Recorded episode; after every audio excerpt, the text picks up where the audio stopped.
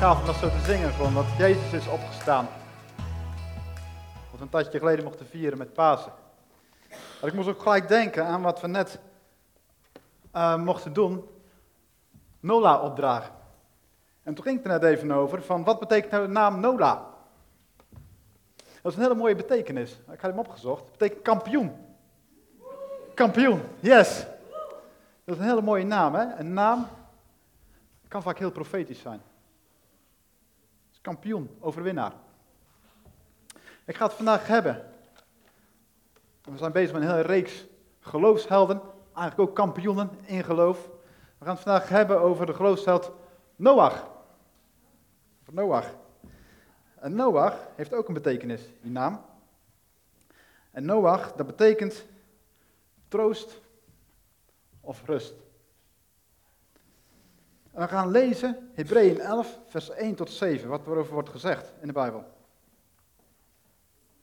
Er staat, het geloof legt de grondslag voor alles waarop we hopen. Het overtuigt ons van de waarheid van wat we niet zien. Door zijn geloof bouwde Noach, toen hem te kennen was gegeven wat er zou gebeuren, nog voordat dit voor iemand zichtbaar was, gehoorzaam een ark om daarmee zijn huisgenoten te redden. Zo veroordeelde hij de wereld en verwierf hij de gerechtigheid die voortkomt uit het geloof. Noach. En Noach, die kennen de meesten van ons wel, sowieso vanuit de verhalen die wellicht op een, als je op, naar een christelijke school bent geweest, hebt gehoord. Noach is een bekend persoon. Wat we hier zien in Hebreeën, hij wordt vooral geroemd doordat hij vertrouwde op hetgeen wat voor hem nog niet zichtbaar was. En wat God tegen hem had gezegd. Maar hij strekte zich ernaar uit. Naar wat God had gesproken. Gedurende langere tijd. We duiken daar zo meteen verder in, hoe dat precies in elkaar steekt. En dan staat er een laatste zinnetje, zo veroordeelde hij de wereld en verwierf hij de gerechtigheid die voortkomt uit het geloof. In andere vertalingen staat iets anders. Er staat, op het moment dat Noach die ark bouwde, daarmee liet hij als iets zien van de reddingsboodschap van God. Het is eigenlijk één grote welkomstboodschap van God. Van kom in die ark, jongens. Wil ik met jullie redden. Dat was wat Noach liet zien. En dan was hij bereid om heel zijn leven voor op te geven. Want wie was Noach? We lezen over hem aan het begin van de Bijbel. Genesis 6 tot en met 9. En hij is geboren eigenlijk duizend jaar na het begin van de schepping. En Noach is best wel oud geworden in onze beleving. Wij kunnen ons dat niet voorstellen, maar hij is 950 jaar oud geworden. Dat is best wel een leeftijd, toch? Bijna net zo oud als Methuselah. Maar Noach, er staat ook, hij leefde voorbeeldig. Hij leefde voorbeeldig. Hij leefde in nauwe verbondenheid met God. Hij vond als enige genade bij God.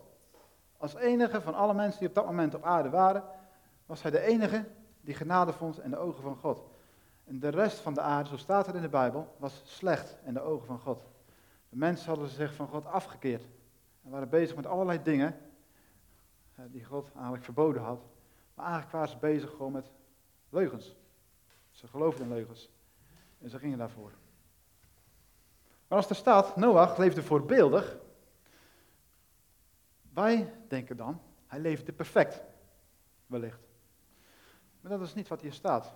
Als je erin duikt, dan is het eigenlijk veel meer wat wordt bedoeld. Noach had een oprecht hart richting God. Noach was gewoon een mens, net als ons. Ook met onze fouten, ook met onze gebreken. Ook met onze ups, ook met onze downs. Ook met strijd, ook met stormen. Ook met dromen en met plannen. Het was een man met gevoel, even goed als ons. En ze ook misstappen hebben gemaakt. Maar kennelijk leefde hij in zo'n nauwe verbondenheid met God, met een oprecht hart naar God, dat God van hem zei, hij is een voorbeeld in mijn ogen. En hij is een voorbeeld ook voor anderen. En Noach, die kreeg in de loop van zijn leven, kreeg hij een gigantische opdracht. Een enorme taak. God sprak tot hem. God die zei van de aarde zoals ik nu heb gemaakt, ik heb hem heel mooi bedoeld. En het was allemaal goed. In het paradijs, ik zag dat het goed was. Maar zoals het nu is, en wat er gebeurt op deze aarde, dat doet me intens verdriet. En ik wil eigenlijk gewoon helemaal opnieuw beginnen. Alles wat er nu is, wil ik wegvagen. En ik wijs jou aan, Noach, om een boot te maken. en ik ga een zondvloed over de aarde laten komen. Ik denk dat dat voor Noach heel ongeloofwaardig misschien wel in zijn oren heeft geklonken. Er staat niet zoveel in, niet zoveel in over in de Bijbel wat Noach daar in de eerste instantie op heeft gereageerd. Ik denk dat dat best wel een proces is geweest. En misschien was het ook al een roeping die op zijn leven lag, die hij al heel de tijd merkte, ervaren, voelde. Daar staat niks over in de Bijbel. Maar goed, Noach kreeg verder als opdracht mee. Naast die ark neem je familie mee, neem de dieren mee. Van een heel aantal dieren twee stuks, een aantal reine dieren zeven stuks. Neem ook voedsel mee. Wij zijn dan bij elkaar beschuit, is een enorme taak geweest. En tegelijk gaf God ook een belofte. Hij zei, ik zal de mensheid redden en de aarde zal opnieuw weer bevolkt worden. En dan staat er een kort zinnetje in Genesis 7, vers 5. Dat is een opvallend zinnetje, maar daardoor wel heel krachtig. Er staat, Noach deed alles wat de Heer vroeg. Hij deed het. Hij deed het. Hij was gehoorzaam. hij is begonnen met die ark te bouwen. En die ark is ongeveer qua afmeting ruim 100 meter lang, iets van 130 meter lang, 30 meter breed, 20 meter hoog, drie verdiepingen. Hij is gebouwd van pijnboombomen. Een enorme hoeveelheid hout, waarschijnlijk voor bij elkaar gesleept. Is helemaal ingesmeerd met pek aan de buitenzijde, die ark. En vervolgens was het van Noach ook afwachten. En ten tijde dat hij bezig was met dat werk, of dat hij überhaupt maar begon, denk ik dat hij heel wat keren is bespot. Wat een heel aantal mensen misschien wel langsgelopen zullen hebben. En van, hé, hey, die Noach, man, waar ben je mee bezig, joh? Ben je voor een idioot? Dat hij er best wel, en misschien allerlei andere bewoordingen ook nog wel gehoord heeft. Hoe zal hij zich gevoeld hebben? Zou hij nooit eens een dagje down geweest zijn ervan? Zou je nooit eens misschien de hoop ook wel eens een beetje verloren zijn? Van klopt het wel wat God tegen hem heeft gezegd? Hij was daar bezig met die enorme ark van 130 meter lang. Onmogelijke opdracht leek het wel. En dan vervolgens als de mensen vragen, waarom doe je dit? Ja, er komt een enorme zondvloed en alle dieren van de aarde komen mee in die ark. En dan zal de rest weggevaagd worden. Laat je redden, ga ook mee in die ark. Hoe ongeloofwaardig klinkt dat? Noach was wel gehoorzaam. En uiteindelijk komt er een moment, dan is Noach 600 jaar, is die ark is af. En dan gaat het regenen. En dan gebeurt er precies wat God zei. Het gaat 40 dagen, 40 nachten gaat regenen. En er staat ook in de Bijbel, de aarde scheurt open. En dan komt water. En er komt steeds meer water. En Noach en zijn vrouw, en zijn drie zonen, en drie vrouwen, ook van die zonen staan met acht man en vrouw gaan ze in die ark. En voor die tijd waren al die dieren ook al naartoe gedreven. Dat was allemaal een wonder op zich. En past dat allemaal? Ik heb me daar ook eens in verdiept. Er zijn hele mooie boek over, of dat allemaal wel of niet paste. Maar het schijnt dat daar ruimschoots voldoende ruimte was voor alles wat mee moest. Ook qua voeding, hoe het allemaal organisatorisch geregeld was. Het kan allemaal. Ook wetenschappelijk is het onderzocht. Er zijn boeken van. Kun je op internet nazoeken. En uiteindelijk stijgt dat water. En ik denk, toen Noach met al die dieren in die ark zat, met zijn gezin, je voelt hoe die water stijgt, je voelt hoe dat die storm beukt, je voelt hoe dat die golven gaan. Je hoort misschien nog wel het geschreeuw van de mensen die op die ark bonken, van we willen toch naar binnen, help, red ons. Misschien wel kinderen, dieren die verdrinken. Alles wordt weggevaagd en het water blijft maar stijgen. En hij stijgt zelfs de boven de bergen uit. En het deed me denken de volgende psalm. Ik denk dat het ook iets is wat God bij, David, of bij Noach in zijn hart heeft gelegd. Iets van hemzelf al, om dit te kunnen doorstaan. Er staat in een psalm, en daar moest ik aan denken, psalm 46, God is voor ons een veilige schuilplaats, een betrouwbare hulp in de nood. Daarom vrezen wij niet, al wankelt de aarde en storten de bergen in het diepst van de zee. Laat de watervloed maar kolken en koken, de, hoge, de hoge golven de bergen doen beven. God is voor ons een veilige schuilplaats. Dat was die van Noach. Dat wil hij ook voor ons zijn. Ook vandaag hier, deze dag, elke dag opnieuw. En Noach die verblijft met zijn gezin ruim een jaar in de ark. Dus het regent 40 dagen, 40 nachten. Uiteindelijk wordt het droog. Maar vervolgens dobbert hij daar met die boot.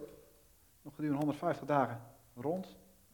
En vervolgens begint het water heel langzaam begint dat wat te zakken. Dat is een tijd van beproeving geweest, denk ik ook, voor Noach. En van geduld. En van doorzettingsvermogen. En van gewoon keihard werken, denk ik ook. Om alles te onderhouden en zorgen dat alles in leven blijft. En misschien hebben ze ook wel struggles gehad in die ark onderling. Misschien is Noach ook door zijn eigen familie, die met hem meegingen, ook wel aangeklaagd. Van Noach, man, we zijn wel begonnen. Noach misschien steeds moest zeggen, ja, maar het is God die heeft gesproken. Ik wil op hem vertrouwen. Vertrouwen jullie ook op hem? Dan aan het eind je, van die zondvloed, dan mag Noach, zeg maar, het dak wat hij gemaakt heeft, mag hij open doen. En als eerste laat hij een raaf uit. En die raaf die fladdert wat rond. En uiteindelijk staat er in de Bijbel dat hij eigenlijk een beetje rond blijft fladderen totdat hij ergens een keer een stukje droge grond heeft gevonden. Een tijdje later laat Noach een duif los. En die duif die vliegt wat rond.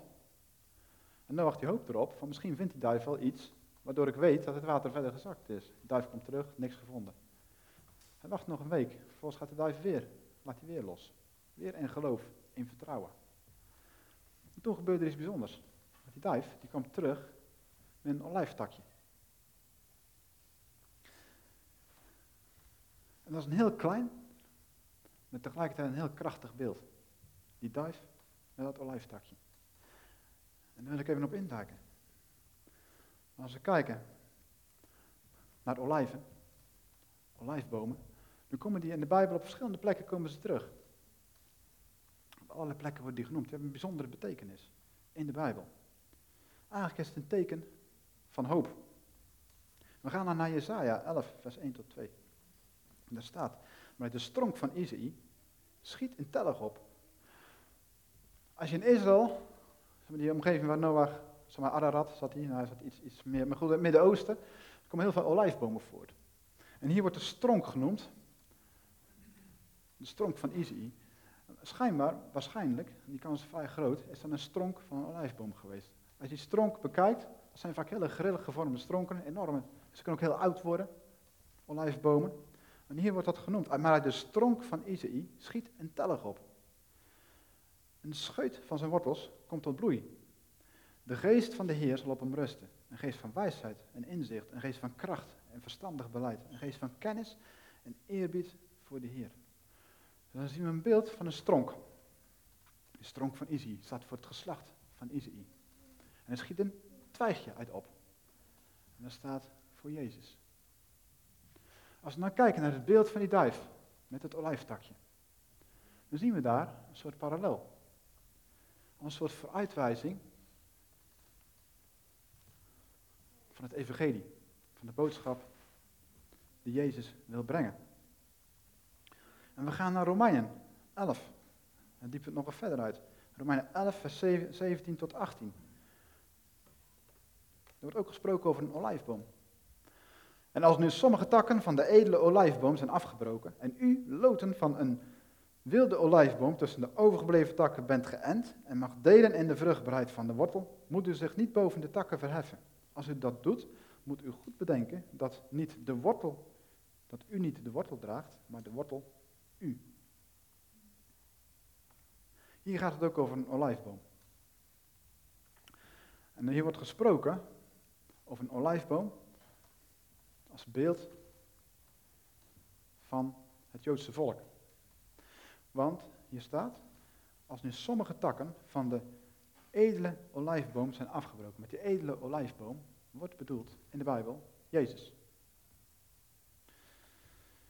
En er staat hier, als sommige takken zijn afgebroken. Daar spreekt de Bijbel ook over. Eigenlijk is het Joodse volk bedoeld, allemaal wat ze bij Jezus horen. Een aantal Joden hebben zich afgekeerd. Daardoor, en wordt als beeld gebruikt, ontstaat er plek, ruimte om nieuwe takken te enten. En er wordt hier gesproken over loten van een wilde olijfboom. Daartussen worden geënt. En met die loten van die wilde olijfboom worden destijds de heidenen bedoeld. Dat zijn bedoeld de mensen die niet bij het Joodse volk destijds hoorden. Het is eigenlijk een uitnodiging hier, dat beeld, van dat we ook als niet-Joodse mensen geënt mogen worden op die edele olijfboom, Jezus. Dat is ook een vraag aan ons allemaal, deze ochtend. Zijn wij geënt op die edele olijfboom? Als je geënt wordt, dan stak je in een stam. Dat is een heel bijzonder proces. Ik heb het ook al in de fruitteelt wordt het heel veel gebruikt, maar ook, in, ook dus met olijfbomen. Je erin ent, kan die uitgroeien tot een hele mooie tak. En ook tot een hele mooie boom, die ook weer bloeit en vrucht draagt. En een olijfboom bloeit heel mooi. Die heeft van die hele witte, room, romige bloemetjes. En die ruikt ook nog eens een keer heel erg zoet. En uiteindelijk als vrucht heeft een olijfboom olijven. En wat wordt er van olijven gemaakt? Olijfolie.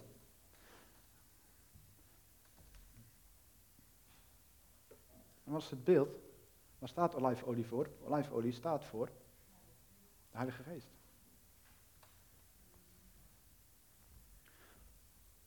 Het olijftakje die de duif meeneemt. En die Noach ziet.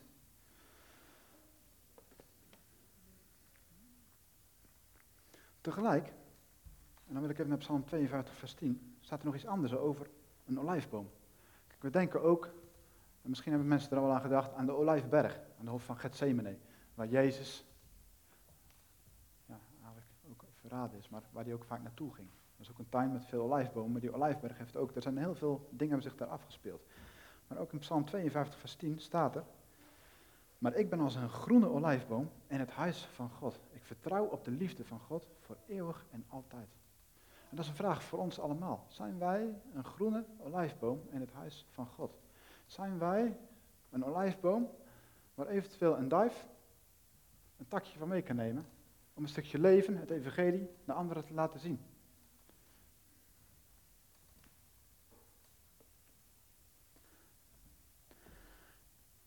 Tot zover het olijftakje.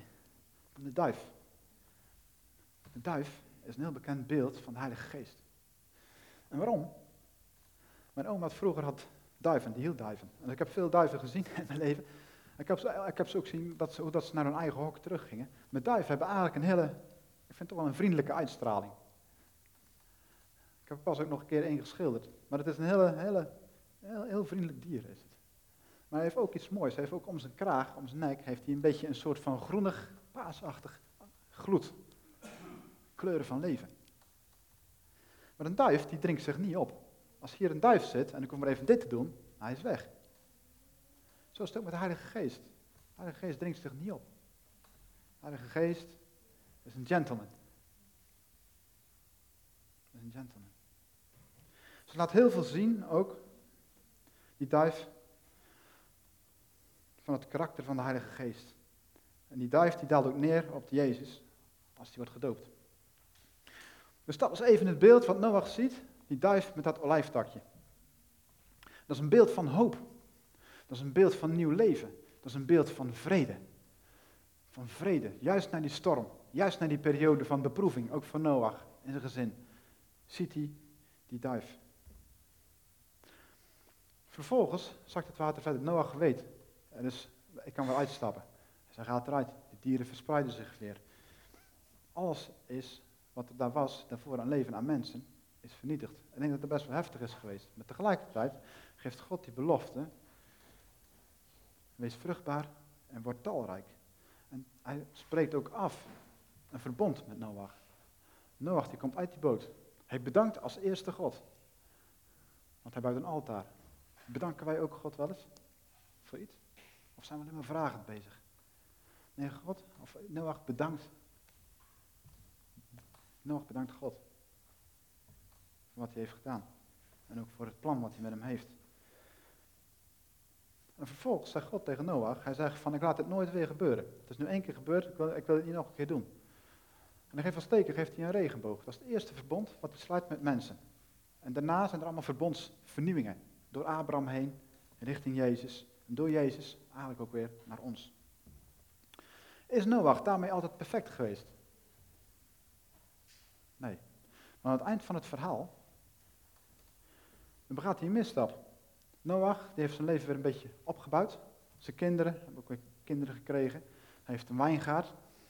En vervolgens vindt een van zijn zonen, vindt hem dronken. Ergens liggend op de grond. In zijn huis. Hij heeft te veel wijn gedronken. En die zoon, die Gam, is dat, die gaat naar buiten en zegt van, hé, hey, moet nou zien, hey, pa, die ligt daar uh, dronken op de grond. Maar wat doen die andere twee broers? Die doen het heel anders. Die lopen achteruit, nemen een mantel om zich heen, doen ze allebei. Ze lopen achteruit.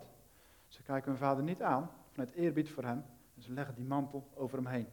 Totdat Noach weer bij zinnen is gekomen. Dat is een stukje respect en eerbied van die zonen ook naar hun vader. Dat is ook een les erin. Houden wij de anderen in ere, ondanks een misstap. Dat is wat deze twee zonen wel doen. Uiteindelijk, Noach sterft 950 jaar oud. Hij wordt een geloofsheld genoemd. Hij had dus ook zijn misstappen. En zoals ik al zei, zijn naam betekent troost en rust. Er zitten een aantal lessen in, deze, in dit verhaal. Ook voor ons persoonlijk. In de eerste plaats zijn wij geënt op die olijfboom. Die edele olijfboom. Beeld van die duif met het takje. Maar tegelijk ook een training, en dat zien we bij Noach, in doorzettingsvermogen en in geduld. Het kan best zijn, als je tot geloof bent gekomen en je hoort, je weet dat je bij Jezus hoort en je leeft in relatie met Hem, dat je weet dat God een bedoeling met je leven heeft. Maar je ziet er nog niet direct iets van.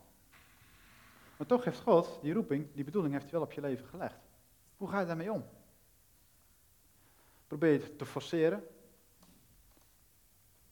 Word je gefrustreerd? Of ga je in geloof en vertrouwen daarvoor? Wachtend ook op Gods tijd. Net als Noach in die ark. Is dat makkelijk? Nee. Het is ook een les in vertrouwen op God.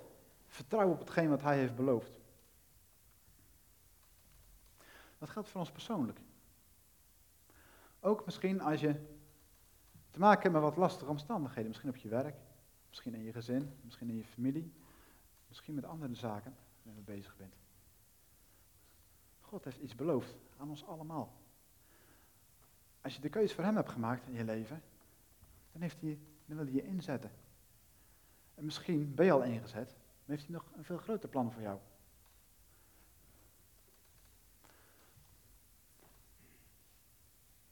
En dan vraagt hij ook soms een stuk geloof, een stuk vertrouwen, geduld en doorzettingsvermogen. Of gooien we na een paar keer proberen de handdoek in de ring? En rennen we weg van God. En misschien wel zelfs ook uit zijn gemeente. Is dat Gods plan? Voor ons?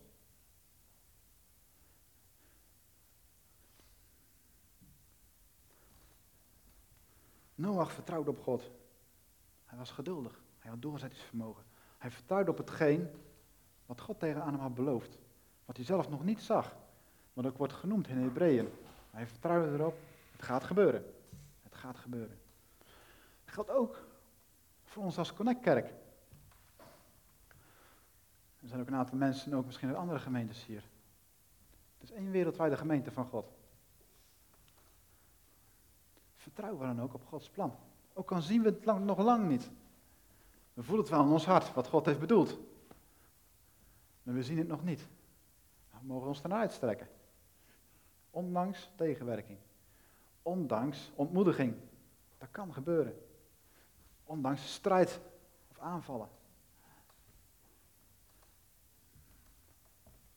Het is God die steeds zegt: van heb geduld. Zet door. Houd moed. Vertrouw op mij. Dat is wat God spreekt.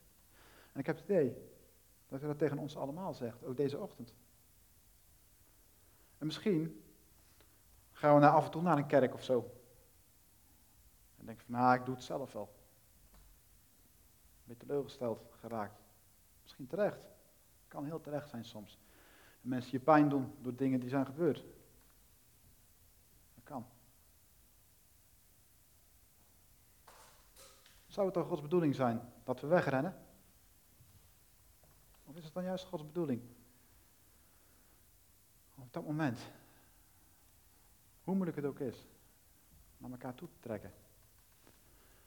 En open te stellen voor elkaar. En te luisteren naar elkaar.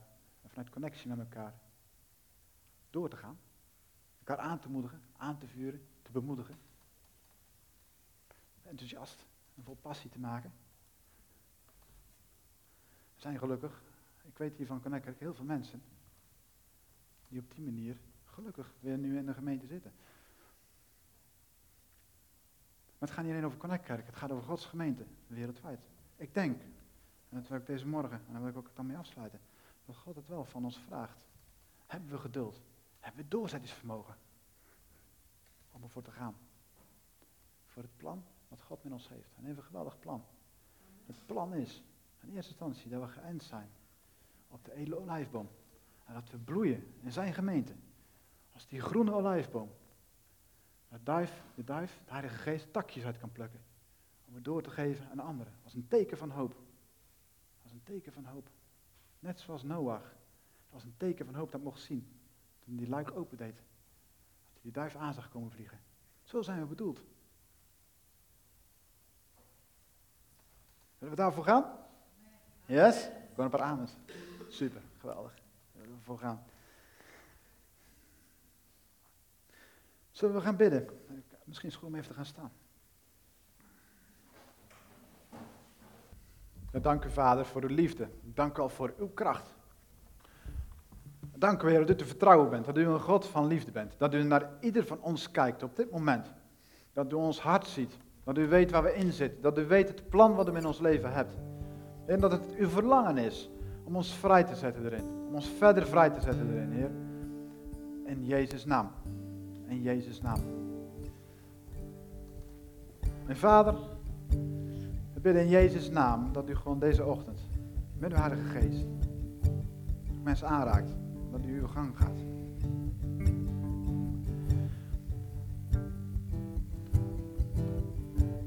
En is de vraag vanmorgen, ben je geënt op die edele olijfboom? Is het ook jouw verlangen om geënt te worden?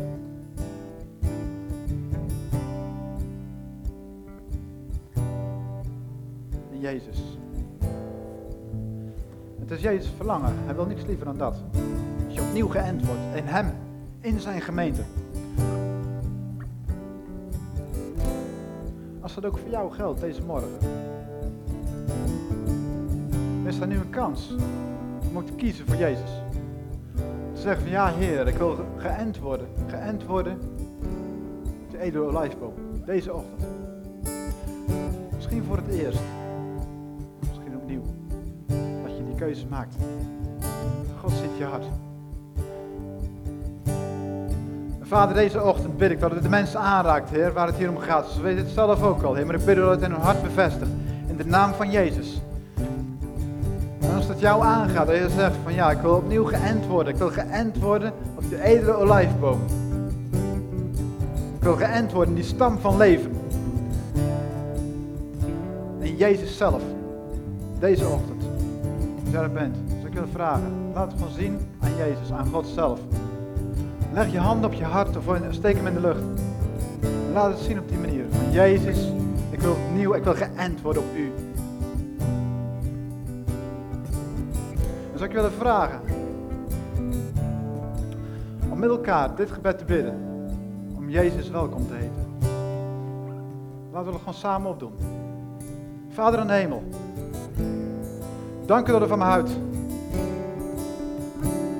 Dank u voor de Zoon Jezus. Dank u, Jezus, dat u voor mij stierf. Dat u weer met opgestaan uit de dood. Dat u leeft. U bent welkom, Heer Jezus. Kom hart. Ent mij op die edele stam. Kies voor u. En ik wil u volgen. Dat is één ding. Het is fantastisch als je dat hebt gedaan deze ochtend. Dan heb je een nieuwe start gemaakt. Een nieuwe start gemaakt voor andere mensen. Voor iedereen eigenlijk. Een tweede vraag. Misschien weet jij, er is een taak, er is een bestemming, er ligt een roeping op mijn leven, maar ik leef nu nog niet ten volle uit. Maar ik wil me er wel naar uitstrekken. Ondanks tegenslag, ondanks ontmoediging. Maar ik wil ervoor gaan. Ik wil weer opnieuw gaan en geplant zijn als een groene olijfboom in Gods gemeente. Daar wil ik me naar uitstrekken. Als een levend onderdeel van zijn gemeente. Als je er zou ik willen vragen, steek gewoon je handen omhoog. Ik wil zijn als een groene olijfboom in de gemeente, in Gods gemeente.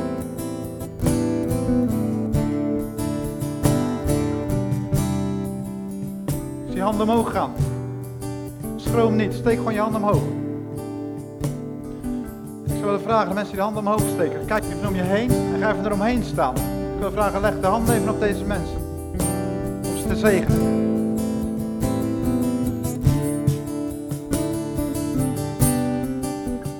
Vader, in de naam van Jezus, u weet het. De keuze die deze mensen hebben gemaakt, dat is een fantastische keuze, Heer. En ik bid u voor stromen van leven, Heer. Stromen van leven. Vanuit de stroom van Isaïe, vanuit uzelf, Heer Jezus. In Jezus' naam.